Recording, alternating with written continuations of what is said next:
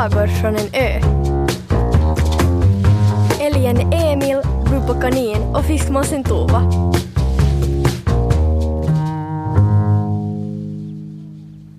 Älgen Emil låg i sin hängmatta och sög på en slickepinne. Granskotten, de vajade i vinden och havet brusade i bakgrunden. Han fick en känsla i kroppen. Den började i halsen och spred sig ända ut till svansspetsen, i klövarna, till och med i öronen kände han en alldeles ovanligt stark känsla och lust av att göra någonting storartat. Han sträckte ut ena benet och puttade mera fart åt sig medan han funderade vilka storverk han skulle utföra idag. Han skulle kunna försöka bli den första älgen som simmar över Engelska kanalen. Att älgar var bra på att simma, det var ju känt sedan gammalt. Men så vitt han visste hade ingen simmat just den sträckan. Han skulle också kunna tänka sig att äh, skriva en bästsäljande roman. Det var säkert ganska lätt. Emil gnagade på slickepinnen. Han skulle också kunna tänka sig att bli en superhjälte. Ja, det skulle han faktiskt. Bubba Kanin satt i gläntan och sandpappra en pinne. Den var redan alldeles slet och len. Men plötsligt slant tassen. Aj! skrek Bubba Kanin. Då brakade det i buskarna. Oh, är du skadad? En märklig varelse stod framför Bubba Kanin. Varelsen luktade häst, men var samtidigt bekant på något sätt. Den bar en svart ögonmask och över ryggen låg ett dammigt grått hästtäcke. Ska jag operera dig? Amputera din tasse kanske? sa varelsen. Bubba Kanin blev kall om öronen av fasa. Varför ville varelsen operera bort hennes tass? Nej tack, sa Bubba Kanin med darrande röst. Och jag har heller inga pengar. Om du hade tänkt stjäla av mig, menar jag. Stjäla? Varför skulle jag stjäla? Jag stjälar bara från de rika, dundrade varelsen och svepte ut med hästtäcke så både varelsen och Bubba Kanin började hosta av alla hästhår som virvra runt. Hjälp! ropade Bubba Kanin när hon hade hostat klart. Tova, rädda mig! Tova, som letade pinnar en bit bort, kom genast ilande genom luften som en blixt. Varför ska Tova rädda dig? Det är ju jag som är en superhjälte! Ropade varelsen förargat samtidigt som Tova landade på Bubba Kanins huvud. Om du bråkar med min kompis så bråkar du med mig, sa hon och flaxade med vingarna mot varelsen. Men sen kisade hon med ögonen. Emil, vad har du på dig? Emil, ropade Bubba Kanin.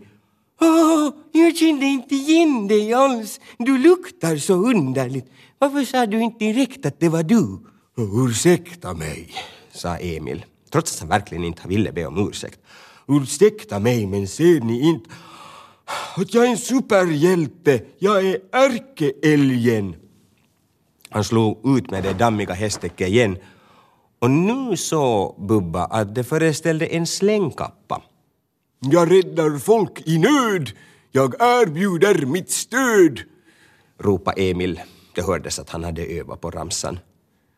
En superhjälte som knycker kanintassar medan de fortfarande sitter fast på själva kaninerna, ropar Bubba kanin upprört. Nej tack! Det verkar som om vissa inte förstår att bli glada över lite hjälp, sa Emil sårat och gjorde sig beredd att svepa ut ur gläntan igen. Eh, vänta, sa Bubba kanin. Vadå? sa Emil. Superhjältar brukar alltid ha medhjälpare. Jag tycker att Tova och jag skulle passa ganska bra. Emil funderade ett slag. Sen sa han... Nu ja... Men så länge ni inte glömmer bort att det är jag som är huvudperson. Okej, kom nu så räddar vi världen. Har du tänkt på en sak? sa Bubba Kanin när de hade gått en bit och de började skymta havet mellan träden. Antagligen, sa Emil. Det brukar vara rätt lugnt här på ön. Det kan eventuellt vara svårt att hitta någon att rädda, sa Bubba. Lyssna! ropade då Tova. Bubba och Emil lystrar. Hjälp! ropar någon. Hjälp! Och de hörde också ett annat ljud. Någonting pep alldeles förfärligt bland vågorna. Oh, titta, sa Bubba kanin och pekade mot vattnet. Ett fågelbo hade slitit sig från en klippskräva och blåst till sjöss. Nu guppade omkring i havet. Tre nykläckta ungar utan fjädrar pep skräckslaget och fågelmamman, en vagt bekant tärna som hette Gunhild, sveva omkring ovanför boet utan att kunna hjälpa sina små barn. Med jämna mellanrum kom det dessutom vågor som stänkte vatten på ungarna. Emil såg sin chans. Ärkeängeln är på väg! brölade han, kastade av sig hästtäcket och klafsa rakt ut i vattnet. När han närmade sig fågelboet gjorde han ett elegant dyk. Alla höll andan och väntade. Bubba kanin fick en klump i magen. Skulle Emil aldrig komma upp? Han kommer inte att klara det, sa Tova. Ja! Ärkeälgens sikte var perfekt. När hans huvud kom upp ovanför vattenytan låg fågelboet tryckt i hans älgkrona. Alla jubla.